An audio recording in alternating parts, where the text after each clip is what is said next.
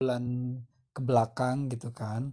Jadi di sini ya saya ingin sharing aja ke teman-teman semua apa yang sedang saya rasakan, lalu rencana-rencana yang akan saya eh, lakukan di kemudian hari begitu. Jadi ya dengerin aja dan juga ya semoga bisa ada sedikit hal-hal yang bisa diambil dan juga dengan saya merecord si si si suara ini menjadi rilis emosi yang selama ini mungkin tidak bisa tersalurkan, tidak bisa diceritakan ke mana-mana. Jadi ya direkam aja dan nanti bisa akan diputar ulang lagi dan untuk bernostalgia begitu.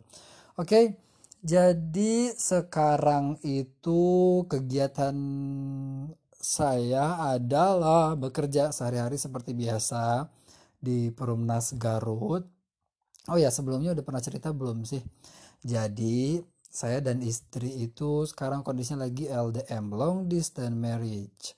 Jadi kita berpisah untuk sementara waktu karena kondisi yang memang tidak memungkinkan juga. Jadi saya di Garut dan istri itu di Bandung, begitu di Cimahi tepatnya. Dan ini sudah berjalan sekitar satu bulan kalau tidak salah, satu bulan karena uh, saya mulai ke Garut itu di awal September atau minggu satu atau minggu kedua September gitu kan kalau tidak salah kayak pertengahan pertengahan September dan sekarang udah mau pertengahan Oktober jadi udah sebulan kita berpisah um, ya tidak menjalani hari 24 7 24 jam dalam 7 hari tidak. Jadi biasanya aku ke Bandung atau ke Cimahi itu seminggu sekali atau dua minggu sekali. Dan ya um, bagaimana perasaannya? Sedih pasti berpisah dengan istri karena saya itu baru menikah exactly akhir bulan ini baru empat bulan begitu. Jadi uh, kemarin saya bersama-sama itu tiga bulan aja jadi 24 jam. Nggak 24 jam juga sih sebenarnya karena uh, yang 24 jam itu pada saat ya setelah menikah aja sih 24 jam kita bareng-bareng gitu kan. Tapi setelah aku masuk kerja ya kita ketemunya itu di uh, malam hari biasanya setelah maghrib. Setelah maghrib itu pun ya kita ketemu terus uh, tidur lagi besok kerja lagi dan biasanya ketemu full itu di weekend Sabtu atau Minggu.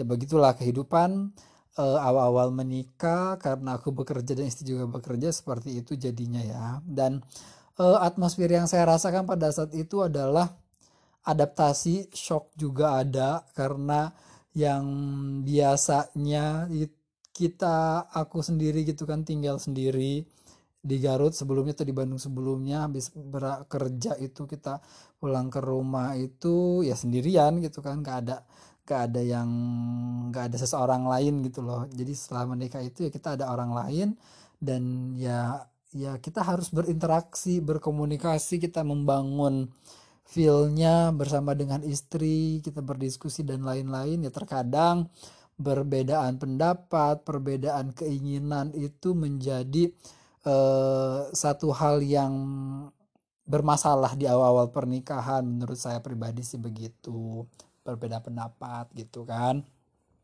Jadi awal-awal pernikahan malahan kita ada sempat-sempat ributnya juga sih dan ya sudah cukup baik untuk menyelesaikannya dengan komunikasi tapi eh, beberapa hal ya terkadang permasalahan memang tidak harus langsung diselesaikan pada saat itu juga gitu kan ya. Jadi kita mungkin harus menunda dulu kapan waktu yang tepat untuk berkomunikasi untuk menyelesaikan masalah dan menyesuaikan juga dengan mood eh, pasangan kita seperti apa. Dan ya mungkin bisa ber apa ya berdiskusinya di lain waktu begitu. Oke, balik lagi ke eh, LDM tadi ya, long distance marriage gitu kan. Jadi sebenarnya sebelumnya sebelum kita menikah itu uh, ya kita sudah udah udah berpisah kan. Tapi ya beda-beda kondisinya pada setelah menikah kita yang pengennya itu bareng-bareng terus kan bareng-bareng uh, bisa mengenal satu sama lain lebih jauh dalam waktu waktu yang ya waktu yang ada gitu kan. Tapi karena kondisi ya kita harus sabar jadi jatuhnya eh, di sini ya saya memang kepala keluarga saya suami saya harus menentukan arah dari perjalanan rumah tangga ini akan seperti apa. Tapi ada kalanya ya saya sebagai keluarga sebagai suami pun mengalah dengan kondisi begitu. Jadi uh, saya mengalah untuk mengikuti keinginan istri terlebih dahulu. Istri ingin di Bandung di Cimahi. Uh, saya terima gitu kan dengan kondisinya. Uh, awal-awal saya uh, tidak begitu menerima gitu karena kita berpisah. Karena ya ya kita menikah ya harusnya kita bersatu dong. Kita menikah itu untuk bersatu. Uh, ya kenapa harus menikah kalau misalkan ujung-ujungnya kita pisah lagi. Aku awalnya berpikir seperti itu. Tapi setelah saya coba pikir ulang lagi kalau saya mengikuti ego saya sendiri uh, dan istri dengan ego dia sendiri tidak ingin dibawa ke Garut ya tidak akan terselesaikan masalahnya tidak akan ada titik temu. Akhirnya dengan legowo dengan pasrah dan yakin ini merupakan jalan yang terbaik jadi saya mengalah. Saya yang di Garut uh, saya menerima kita akan berpisah uh, long distance maksudnya kan. Saya di Garut dan istri di Bandung. Dan ya minggu sekali dua minggu sekali kita uh, ketemu gitu kan. Dan ya itu dia pada saat ketemu pun uh, yang keinginan dari diri aku adalah yang kita udah seminggu atau dua minggu ketemu pada saat kita ketemu harusnya kan kita quality time kita ngobrol anything apa pun itu kita heart to heart gitu kan. Terus kita uh, ngobrol satu sama lain pendekatan apa pun itulah intinya gitu kan. Tapi ya baik lagi. Itu ekspektasi realitanya tidak seperti itu. Realita terkadang moodnya tidak lagi bagus. Jadi ya kita pada saat ketemu itu kita pengennya ya manja-manjaan kita sayang-sayangan terus juga ngobrol deep talk pillow talk dan uh, lainnya itu karena moodnya nggak bagus akhirnya nggak nggak terlaksana gitu kan. Malah kadang-kadang uh, ya tidak sesuai dengan ekspektasi begitu. Jadi ya itu dia baik lagi. Kuncinya adalah kita harus sabar. Sabar menghadapi kondisi menghadapi mood wanita menghadapi mood istri yang kadang naik kadang turun. Ditambah lagi sekarang kondisinya adalah itu dia udah di istri lagi hamil sekarang jalan 4 bulan. Jadi ya harus mengerti harus sabar juga. Uh, dan ya menerima intinya begitu. Dan tapi sesekali kita coba untuk komunikasi komunikasi yang uh, ya pelan-pelan lah pelan-pelan me menyampaikan ke istri yang baiknya seperti apa begitu kan dengan cara yang halus lah. Semoga dengan cara yang halus ini sedikit demi sedikit itu bakalan melunakkan hati istri dan uh, beberapa kali sempet aku itu menyampaikan kayak unek-unek gitu loh unek-unek. Um, ya sometimes aku pada saat me menyampaikan unek-unek kegelisahan apa yang apa yang aku rasakan gitu kan ya dengan respon istri yang hmm, apa ya dengan respon istri yang tidak sesuai ekspektasi itu ada sedikit uh, kecewa pasti ada. Tapi baik lagi kita tujuannya adalah di awal tuh apa gitu kan. Tujuannya adalah kayak udah kita menyampaikan unek-unek kita menyampaikan kegelisahan uh, responnya bad or good uh, that's the choice gitu kan. Decisions when I talk about something to my wife uh, ya yeah, the goal the goal is uh, si, kita ingin istri tahu tentang kondisi kita gitu kan. Dan I think enough when we when we floor our our apa ya our condition gitu kan. Bercerita tell about our condition our our our unek-unek gitu. Dan ya itu menurut aku udah cukup dengan kita menyampaikan unek-unek ya semoga bisa diterima diserap dalam otaknya itu. Ya walaupun misalkan uh, tidak ada solusi di akhirnya nggak apa-apa. Yang penting aku udah menyampaikan unek-unek gitu. Jadi ya itu poinnya adalah um, kalau memang ada apa pun itu yang unek-unek dalam diri itu dari salah satu pasangan baik itu suami atau istri disampaikan gitu loh disampaikan. Dan ya nggak apa-apa. Pada saat itu kita mungkin tidak apa ya tidak tidak menerima respon balik dari pasangan kita tapi seenggaknya kita sudah mengatakan sudah merilis emosi itu dengan baik dan istri atau pasangan kita sudah mengetahui bagaimana kondisi kita ya mungkin di masa yang akan datang tuh itu pasti sudah jelas terekam dan itu menjadi pembelajaran untuk kita berdua begitu. Oke baik lagi tadi LDR baktia LDM dan adaptasi. Adaptasi itu memang sih eh, hal yang paling sulit krusial dalam uh, apa ya awal-awal rumah tangga gitu. Jadi tadi yang sempat aku bilang juga uh, harus saling mengalah. Ada waktunya kita suami mengalah dan ada waktunya juga suami kita harus tegas dengan keputusan kita dan juga ada saatnya kita uh, ada saatnya kita juga memberitahu pasangan kita yang baik itu yang seperti apa begitu. Oke okay, well jadi uh, itulah bumbu-bumbunya di awal pernikahan. Sekarang aku menikah itu baru jalan 4 bulan dan uh, luar biasa sih kayak up and downs-nya juga gitu kan. Karena ya itu dia awal nikah uh, mungkin sebulan sebulan menikah kita uh, merasakan kayak adaptasi dan lain-lain gitu kan.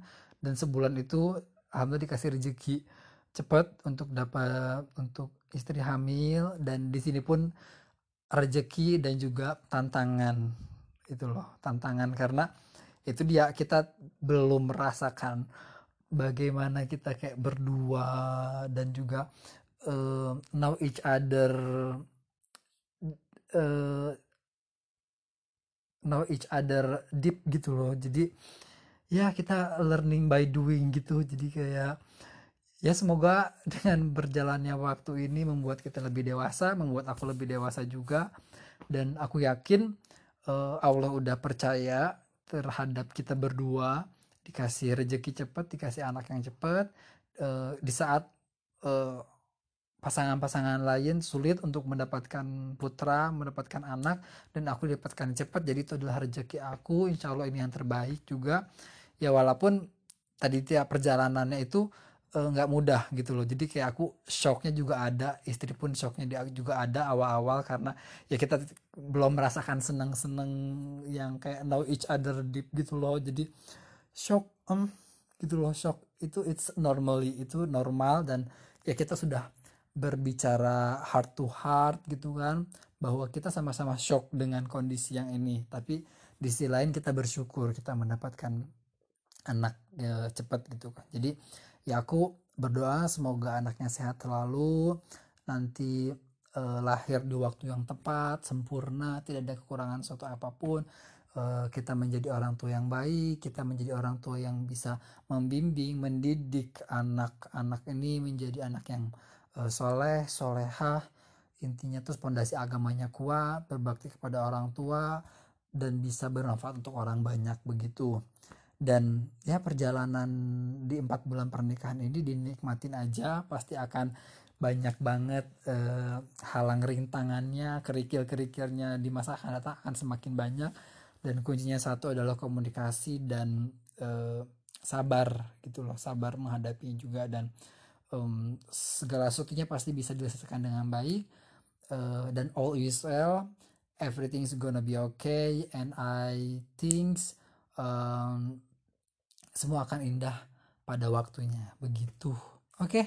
terima kasih banyak. 15 menit bercerita tentang kehidupan yang aku rasakan sekarang yang mungkin nanti akan kita cerita lagi lanjut lagi karena terlalu uh, panjang 15 menit ini gitu kan. Jadi temanya malam ini adalah tentang apa ya tentang adaptasi menghadapi kayak rumah tangga di awal-awal rumah tangga itu seperti apa sih gitu oke semoga eh, ada hal-hal yang bisa diambil dari cerita aku malam ini dan ini pun bisa menjadi rilis emosi aku sendiri uh, terhadap apa yang aku rasakan dan semua akan berjalan baik-baik saja di masa akan datang.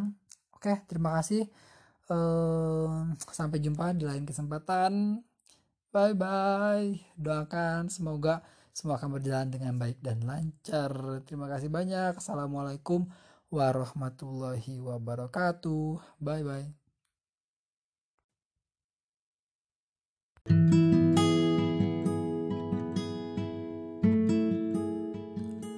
Halo, Assalamualaikum warahmatullahi wabarakatuh Kembali lagi bersama saya Bimar Anugrah di Jurnal Kehidupan Oke, malam hari ini uh, Seperti biasa Kita akan bertemu lagi bercerita-cerita tentang kehidupan yang saya jalani uh, Hari ini tanggal 25 Oktober 2020 Oke terakhir podcast kemarin itu berbicara tentang adaptasi di awal pernikahan. Ya memang sih ya adaptasi awal pernikahan itu harus dihadapi oleh setiap pasangan yang baru menikah dan itu tidak mudah. Kita harus membutuhkan usaha dari masing-masing pasangan e, menerima kelebihan dan kekurangannya masing-masing. Dan itu tidak semudah yang kita ucapkan tapi itu perlu e, praktek gitu kan. Walaupun misalkan kita udah baca literatur baca buku mendengarkan dari YouTube dan lain-lain tapi pada saat kita menjalaninya itu akan sedikit berbeda. Ya di sini saya tidak me, men, men, menyalahkan untuk orang-orang yang uh, belajar tentang uh, problematika rumah tangga sebelum mereka menikah which is which is good but in real life we have some some adaptation from or to solve the problem in in rumah tangga gitu kan dan uh, itu yang saya jalani juga. Sebelumnya saya sudah uh, mengikuti sekolah pranikah dan mendapatkan banyak sekali ilmu dan pada saat prakteknya ilmunya terpakai tapi tetap harus ada sentuhan-sentuhan uh, hal-hal lain lah agar bisa menyelesaikan menghadapi beberapa hal-hal uh, yang kita yang kita hadapi yang bisa disebut sebagai problematika rumah tangga. Begitu itu review yang podcast sebelumnya dan untuk malam ini aku mau uh, cerita tentang rencana gitu kan rencana. Jadi saya menikah itu di bulan Juni 2020 dan sebelumnya berkenalan dengan istri sekitar 10 bulan prosesnya dari bulan Agustus 2019 kita kenal baru benar-benar kenal lewat chat ngobrol gitu kan. Terus berjalan di bulan uh, Oktober di bulan Oktober itu saya memberanikan diri untuk datang ke rumahnya bertemu dengan orang tuanya bersama dengan keluarga besar saya juga. Di tanggal 19 Oktober dan ya itu sangat cepat sekali gitu kan e, prosesnya tapi nggak tahu sih pada saat itu mikirnya ya udah e, karena memang niatnya serius e, dan juga tendensinya akan menuju ke pernikahan jadi kalau emang udah sama-sama cocok sama-sama klik walaupun sebenarnya pada saat itu kita belum mengenal karakter satu sama lain ya. Yang itu berbeda banget lah maksudnya sebelum nikah dan sebelum setelah nikah itu setelah nikah tuh karakter akan terbuka tapi sebelum nikah tuh kita membuka karakter tapi masih banyak hal-hal yang ditutupi gitu kan tapi pada saat itu ya udah kodarullah juga. Kita bertemu lah keluarga besar di 19 Oktober. Di situ oke okay, memperkenalkan seperti biasa singkat cerita kita lamaran di bulan Februari tanggal 22 Februari. Jadi itu uh, masa awal-awalnya pandemi corona tapi masih belum terlalu uh, hip banget di Indonesia. Itu baru di Cina dan negara-negara lain 22 Februari yang sebenarnya sebelumnya si kelamaran itu bakalan diadakan di uh, di ini di bulan April sebelum puasa atau setelah puasa gitu kan. Tapi ini dipercepat karena istri nikah eh nikah ulang tahun tanggal 27 Februari. Jadi ya sekaligus sebelum ulang tahun istri gitu kan. Jadi lamaran dulu tuh beres lamaran dulu. Dan kita menikah di bulan Juni tanggal 28 eh, di Bogor juga dalam kondisi pandemi. Akhirnya kita di rumah aja nikahnya. Dari segala persiapan yang sudah kita lakukan eh, rencananya ingin ada resepsi undang-undang apa eh, dari souvenir dari venue juga dari WO udah selesai semua. Tapi karena ya tadi itu dia karena pandemi eh, rencana kita yang awalnya ingin A akhirnya menggunakan plan B gitu kan. Akhir kita nikah di rumah aja mengundang keluarga deket doang yang gak rame-rame juga sih gitu. Kayak itu singkat cerita dari perjalanan pernikahan aku tanggal 28 Juni ini nanti akan dibahas secara detail di podcast selanjutnya. Jadi sekarang aku mau cerita tentang si rencana. Jadi setelah menikah ini eh, dan sebenarnya sebelum menikah ini kita udah udah sedikit ngobrol tentang rencana setelah menikah itu akan seperti apa. Salah satu hal yang yang saya bahas sebelum nikah itu adalah uh, saya menjelaskan tentang terkait pekerjaan. Pekerjaan saya seperti apa, terus juga nanti yang kedua adalah kenapa saya uh, bercerita tentang pekerjaan ini ada hubungannya dengan uh, apa ya? Dengan tempat tinggal, dengan juga dengan pendapatan gitu kan. Jadi e, calon istri atau istri harus tahu pekerjaan saya ini apa terus gaji pendapatannya ini berapa terus juga dibayarnya per tanggal berapa terus nanti cara mengelola keuangannya seperti apa dan cara uh, saya memberikan nafkah kepada istrinya itu seperti apa. Jadi sebelum nikah tuh sempat ngobrol masalah ini, walaupun gak terlalu dalam, tapi kita udah menemukan kesepakatan bersama lah terkait si poin ini tentang pekerjaan gitu. Terus yang kedua uh, masalah tempat tinggal.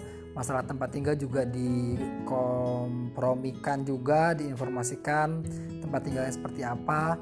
Uh, kebetulan waktu itu uh, saya kerja di Bandung tapi punya rumahnya di Garut pada saat itu kan. Jadi uh, ya saya menjelaskan ke istri kita saya punya rumah di Garut tapi karena sekarang kerja di Bandung jadi kita di Bandung akan kontrak dulu. Tapi mungkin kalau misalkan saya dipindah ke Garut lagi kita akan tinggal di Garut dan uh, konsekuensi dari pekerjaan di perusahaan saya saya harus mau ditempatkan di mana saja. Oleh karena itu istri pun uh, saya berdiskusi dengan istri apakah bersedia mengikuti suami yang akan dipindah ke mana aja gitu kan. Dan pada saat itu ya sepakat sih ya maksudnya istri ikut ikut ke suami gitu kan.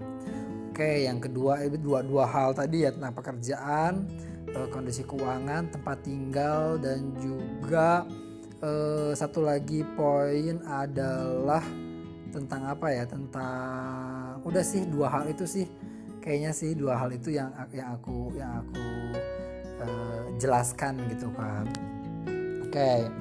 dan setelah menikah setelah menikah uh, terkadang ada beberapa rencana sesuai dengan uh, berjalan dengan sesuai rencananya gitu kan ya realitanya. Tapi terkadang juga ada beberapa hal yang sudah kita rencanakan tapi tidak tidak sesuai dengan apa yang kita harapkan begitu. Dan ini memang harus bisa diterima dengan lapang dada pada saat rencana tidak berjalan dengan, sesuai harapan. Dan itu yang saya rasakan begitu. Jadi saya menikah di bulan Juni eh, oh saya memutuskan untuk ngontrak dulu di Bandung karena saya waktu itu bekerja di Bandung juga dan dan istri juga pada saat itu masih kerja juga di sekolah di daerah e, Cimahi. Jadi saya memutuskan untuk ngontrak karena satu hal yang paling prinsipal dalam hidup saya adalah pada saat menikah kita memang harus mem membangun rumah tangga kita sendiri gitu loh. Jadi kayak berusaha untuk pisah dari orang tua karena ya kita ingin hidup mandiri dan itu prinsip saya begitulah. Jadi jangan ada apa ya jangan jangan masih nempel dengan orang tua saudara dan lain-lain intinya begitu. E, tujuannya adalah untuk bisa lebih mandiri dan kita membangun rumah tangganya lebih tenang nyaman gitu. Kayak ngontrak dulu di Bandung dan ternyata dar gitu. E, sebulan atau dua bulan setelah menikah ternyata saya dipindah dimutasi ke Garut. Di satu sisi senang dong uh, karena rumah yang sudah lama saya tinggalkan yang kosong selama setahun lebih uh, bisa ditempatin lagi gitu. Dan ini menjadi apa ya cita-cita rencana awal yang di awal-awal banget sebelum nikah tuh oh akan berjalan dengan sesuai rencana awal karena rumah ini saya beli untuk bisa hidup dan bangun rumah tangga dengan istri saya kelak gitu. Oke, begitu. Seneng dong gitu kan.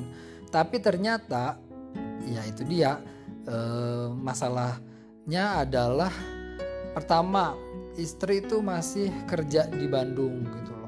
Masih kerja di Bandung dan yang kedua pada saat itu alhamdulillah dikasih rezeki cepet uh, istri hamil begitu dan ya itu dia karena kondisi yang belum memungkinkan akhirnya uh, akhirnya istri tetap di Bandung dan juga saya di Garut tinggal sendiri uh, kerja gitu. Nah, jadi inilah beberapa hal-hal yang uh, yang harus kita hadapi gitu loh rumah tangga yang yang awalnya kita mikir bakalan berjalan mulu sesuai rencana tapi ternyata realiti realitanya itu tidak sesuai dengan yang di, yang kita harapkan begitu. Dan di sini yang yang saya lakukan adalah saya mencoba untuk memberikan uh, jalan tengah keputusan yang terbaik dan salah satu tetap harus mengalah sih. Jadi karena kita nggak bisa mengeraskan ego kita masing-masing ego sebenarnya saya pengen ya udah istri tuh tinggal bareng sama saya dong sebagai suami gitu kan. Bisa mendukung bisa melayani juga tinggal bareng-bareng gitu kan di Garut tapi pada kenyataannya tidak bisa karena kondisi dan lain hal begitu. Karena ya tadi juga misal istri juga hamil moodnya juga lagi ya mood swing gitu kan. Jadi kadang naik kadang turun. Jadi istri belum mau dibawa ke Garut yang sebenarnya sebelumnya kita udah sepakat nih kalau istri tuh eh, sepakat mau dibawa ke mana aja pada saat saya dipindah begitu tapi ternyata kenyataannya kan tidak sesuai yang diharapkan dan eh, ya nggak apa-apa sih karena yang juga manusia ya kadang-kadang kita manusia itu di awal eh, sepakat A gitu. Setelah berjalannya waktu karena ada faktor-faktor lain akhirnya eh, jawaban A itu tuh bisa berubah jadi B dan C begitu. Jadi harap dimaklum aja dan saya sebagai suami harus sabar, menerima, ikhlas dan menjalani. Ya walaupun memang sulit sangat-sangat sulit. Saya rasakan ini sangat sangat sangat sangat sangat sangat sulit sekali dan ini merupakan cobaan problematika di awal rumah tangga gitu. Jadi ya semoga dan itu yang harus kita jalani begitu kan. Karena kalau masing-masing ego tetap dipertahankan nggak akan ada nggak akan ada titik temunya. Jadi ya sabar aja. Saya yakin semua akan indah pada waktunya. Saya yakin nanti istri pun akan mau diajak oleh saya tinggal bersama di Garut. Kita nanti membangun keluarga kecil bersama anak yang akan lahir tahun depan dan ya semoga keputusan ini keputusan terbaik. Saya bisa berdoa dan hal-hal lain masalah-masalah lain yang sedang menunggu nih gitu kan. Karena saya yakin masalah itu akan terus-terus ada. Jadi eh, saya bisa belajar dari setiap masalah yang saya hadapi di dalam pernikahan ini. Begitu teman-teman. Jadi poinnya adalah pada saat rencana tidak tidak apa pada saat uh, tidak sesuai dengan rencana, coba jalanin aja, pikirkan baik-baik, temukan solusi yang terbaiknya dan temukan solusi yang bisa menyenangkan dua-duanya walaupun tidak 100% bisa menyenangkan dua-duanya tapi kita harus mencoba untuk menerima keadaan tersebut walaupun memang sulit sulit untuk bisa menerimanya. Oke, baik. Uh, sudah mau 15 menit. Jadi malam ini ceritanya itu aja. Semoga bisa memberikan apa ya kayak semacam sharing pengalaman ini. Memberikan apa ya, tips atau informasi atau ilmu. Ya bergunalah bermanfaat buat teman-teman semua. Jadi intinya tetap sabar aja buat para pejuang LDM long distance marriage. Nanti kita akan bahas di di apa ya di di, di podcast selanjutnya perjuangan LDM itu seperti apa tapi eh, semangat terus kita bisa kita bisa melewati melewati ini semua dengan baik dan tetap semangat, tetap sabar, banyak berdoa, semua akan indah pada waktunya. Terima kasih telah mendengarkan. Assalamualaikum warahmatullahi wabarakatuh.